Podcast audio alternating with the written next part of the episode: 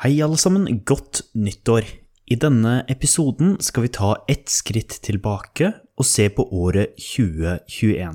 Det har vært et innholdsrikt år med både oppturer og nedturer. Året har, akkurat som 2020, vært prega av covid-19 og korona. Men 2021 har kanskje vært et litt lettere år enn det tunge 2020. Mange hendelser kan nevnes, og jeg må derfor selvsagt gjøre et utvalg. Jeg kommer til å fokusere mest på Norge og det som har fått fokus her. La oss prøve oss på en slags kronologisk framgang. Året starta med et pang med stormingen av Kongressen i USA den 6. januar. Det skjedde i forbindelse med at valgseieren til Joe Biden skulle vedtas i Kongressen absurde og skremmende bilder av en stor folkemengde som presser seg inn i Kongressen, kunne ses i medier verden rundt. Hendelsen var rystende og et stort slag for det amerikanske demokratiet og for den politiske stabiliteten i landet. Dette var en hendelse som også skapte uro i Norge. En annen hendelse som skapte mye engasjement i Norge, var fengslingen av opposisjonslederen Aleksej Navalnyj i februar. Han har i lang tid kritisert russiske myndigheter for korrupsjon, og han har en stor tilhengerbase på YouTube med seks millioner følgere. I august 2020 ble han forgifta, og han blei alvorlig skada av det. Han blei frakta til Tyskland, der han brukte lang tid på å komme tilbake til hektene. Etter han var blitt frisk igjen, reiste han tilbake til Russland, der han kjapt blei fengsla og i februar 2021 dømt til fengsel. Mange har protestert mot dette og krevd hans løslatelse snarest. I oktober fikk han EU-prisen Sakharovs pris for hans arbeid med menneskeretter. I februar starta jeg den nye podkasten Norsk for beginners for nivåene A1 til B1 for å appellere til nybegynnere. Det har vært en stor suksess, og jeg er storfornøyd med hvordan det har gått. Responsen har vært veldig bra, og jeg har storkost meg med å lage episodene. Planen per dags dato er å lage ti sesonger av podkasten. Seinere i oktober laga jeg også et alternativ for spansktalende med podkasten Noruego Echo Divertido. 2021 var et år prega av vaksinering mot covid-19. Den første dosen med vaksinen blei allerede satt i slutten av desember 2020 i Norge, men det var først senere at flesteparten fikk tilbud om vaksiner. Det er først og fremst Moderna og Pfizer som har blitt brukt i Norge, men AstraZeneca ble også brukt fram til 11. mars 2021. Da blei vaksinen satt på vent etter at flere hadde fått alvorlige tilfeller av blodpropp. Seinere blei vaksinen tatt ut fra vaksineprogrammet i Norge ettersom den blei ansett som utrygg. Johnson Johnson-vaksinen ble aldri tatt med i Norges vaksineprogram ettersom ulempene og bivirkningene ble ansett som større enn fordelene. Dermed er flesteparten i Norge vaksinert med enten Moderna eller Pfizer. Akkurat nå er 89% av alle nordmenn over 18 år fullvaksinerte, men det jobbes fortsatt med at det skal øke. Det var den 23. mars 2021 at Norge vedtok de strengeste nasjonale koronatiltakene i 2021. Avstandskravet økte fra én meter til to meter. I tillegg var det skjenkestopp, altså ikke lov å servere alkohol på restaurant og utesteder. Det var også bestemmelser for hvor mange personer som kunne være sammen i private hjem. Grunnen til dette var en økning av koronatilfeller i Norge. Dette var en periode da vaksinasjonstallene i Norge fremdeles var ganske lave. I 2021 har koronatiltakene variert mye og endret seg raskt. Vinteren og våren var prega av mange tiltak, mens sommeren var friere.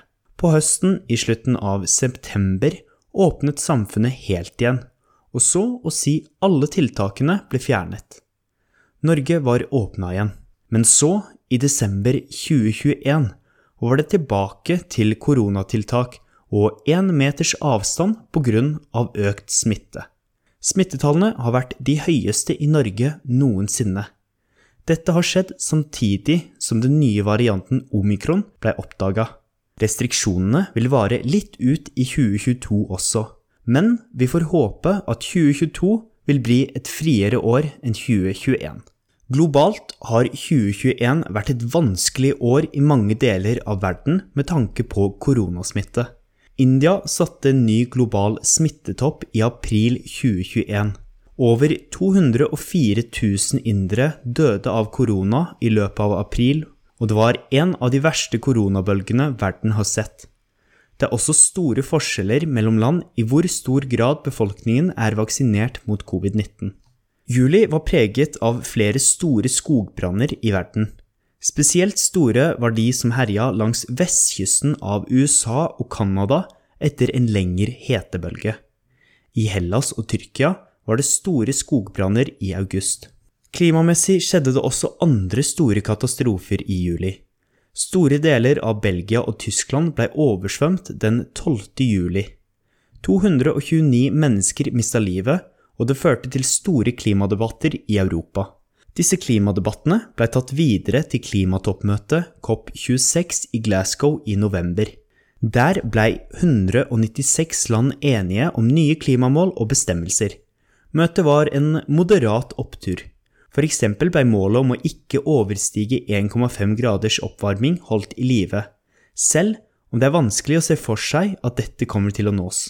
Likevel var det flere lyspunkter fra COP26 som gjør at man kanskje kan unne seg å være svakt optimistisk, selv om man kanskje fortsatt sitter igjen med en følelse av at det ikke gjøres nok. Juli var også måneden for de store sportslige mesterskapene. Europamesterskapet i fotball ble arrangert fra juni til juli. Mesterskapet ble tidlig preget av hjertestansen til den danske fotballspilleren Christian Eriksen, som falt om på banen. Det skapte økt fokus på hjerte-lungeredning. Likevel ble mesterskapet en folkefest med mye bra fotball. Italia vant mot England i finalen etter en spennende straffesparkkonkurranse. Baksiden med mesterskapet var at det førte til en økning i koronasmitten i flere europeiske land. I tillegg til EM i fotball blei det største idrettsarrangementet i verden arrangert i Japan i 2021. Tokyo var vertskap for de olympiske leker i det som skulle bli et noe dystert og pandemiprega arrangement.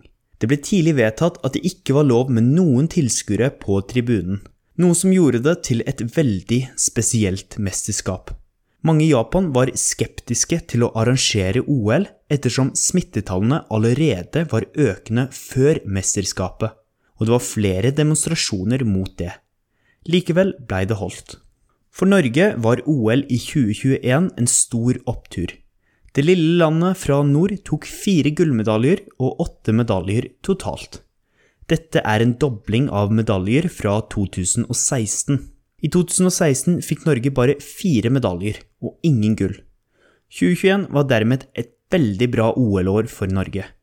Spesielt skulle Karsten Warholm utmerke seg på 400 meter hekk. Han knuste sin tidligere verdensrekord med den spinnville tida 45,94 sekunder. Den tidligere rekorden var 46,70 og blei satt av Warholm samme år. Rekorden før det var Kevin Young sitt løp i 1992 med tida 46,78. Det var en rekord som blei holdt i nesten 20 år, og Warholm smadra den med tida 45-94. Denne prestasjonen er en av de mest spektakulære i OLs historie, og jeg vil anbefale dere alle å se løpet. Juli ble også en spesiell minnemarkering for Norge. Den 22. juli 2021 markerte tiårsmarkeringen for terrorangrepene på Utøya og mot regjeringskvartalene i Oslo den 22. juli 2011. I august gjorde Taliban i Afghanistan store offensive framskritt, noe som gjorde at USA framskyndte sin tilbaketrekningsplan. Det var dramatisk ettersom alt skjedde så raskt. De fleste trodde at Taliban ville vente til etter USA og Nato hadde trukket tilbake alle sine tropper, men det gjorde de ikke. Norge hadde også tropper i Afghanistan som blei trukket tilbake. I Kabul var det veldig travelt ved rullebanen da mange prøvde å flykte fra landet. Bare Norge evakuerte 1100 personer etter at Taliban tok makta i Kabul. I september var det stortingsvalg i Norge. Den 13. september blei det klart at det ville bli et rød-grønt flertall og dermed et regjeringsskifte. Høyre og Erna Solberg gikk av, og Arbeiderpartiet tok over med Jonas Gahr Støre som ny statsminister. Arbeiderpartiet og Senterpartiet blei i oktober enige om å skape en mindretallsregjering etter at Sosialistisk Venstreparti trakk seg ut av forhandlingene. For mer om valget og norsk politikk vil jeg oppfordre dere til å se episodene jeg la ut tidligere i år. November og desember har i Norge vært dominert av høye strømpriser, noe som har fått stor oppmerksomhet. Strømprisene har vært historisk høye i Norge etter en usedvanlig tørr høst mange steder i Norge. I Norge kommer mesteparten av strømmen fra vannkraft, og nedbør er derfor viktig for at kraftverkene skal kunne produsere nok strøm. Vannmagasinene er lavere enn de pleier, og det har gjort at strømprisene har skutt i været. Dette skyldes også den europeiske strømsituasjonen, som også rammer Norge. Regjeringa la fram et forslag om en hjelpepakke for å hjelpe folk som sliter med å betale strømregninga. I kollektivet der jeg bodde, prøvde vi å spare strøm med å varme opp mindre deler av huset og ved å dusje mindre. Selv dusja jeg mye på treningssenteret i denne perioden. Og med det tror jeg at eh, jeg skal avrunde dette tilbakeblikket på året 2021. Det har vært et hendelsesfullt år så det er mye jeg kunne tatt med som jeg ikke har nevnt. Likevel er dette noen av sakene som har dominert nyhetsåret 2021. Så godt nyttår alle sammen, og måtte 2022 bli et bra år for dere alle. Ha det bra.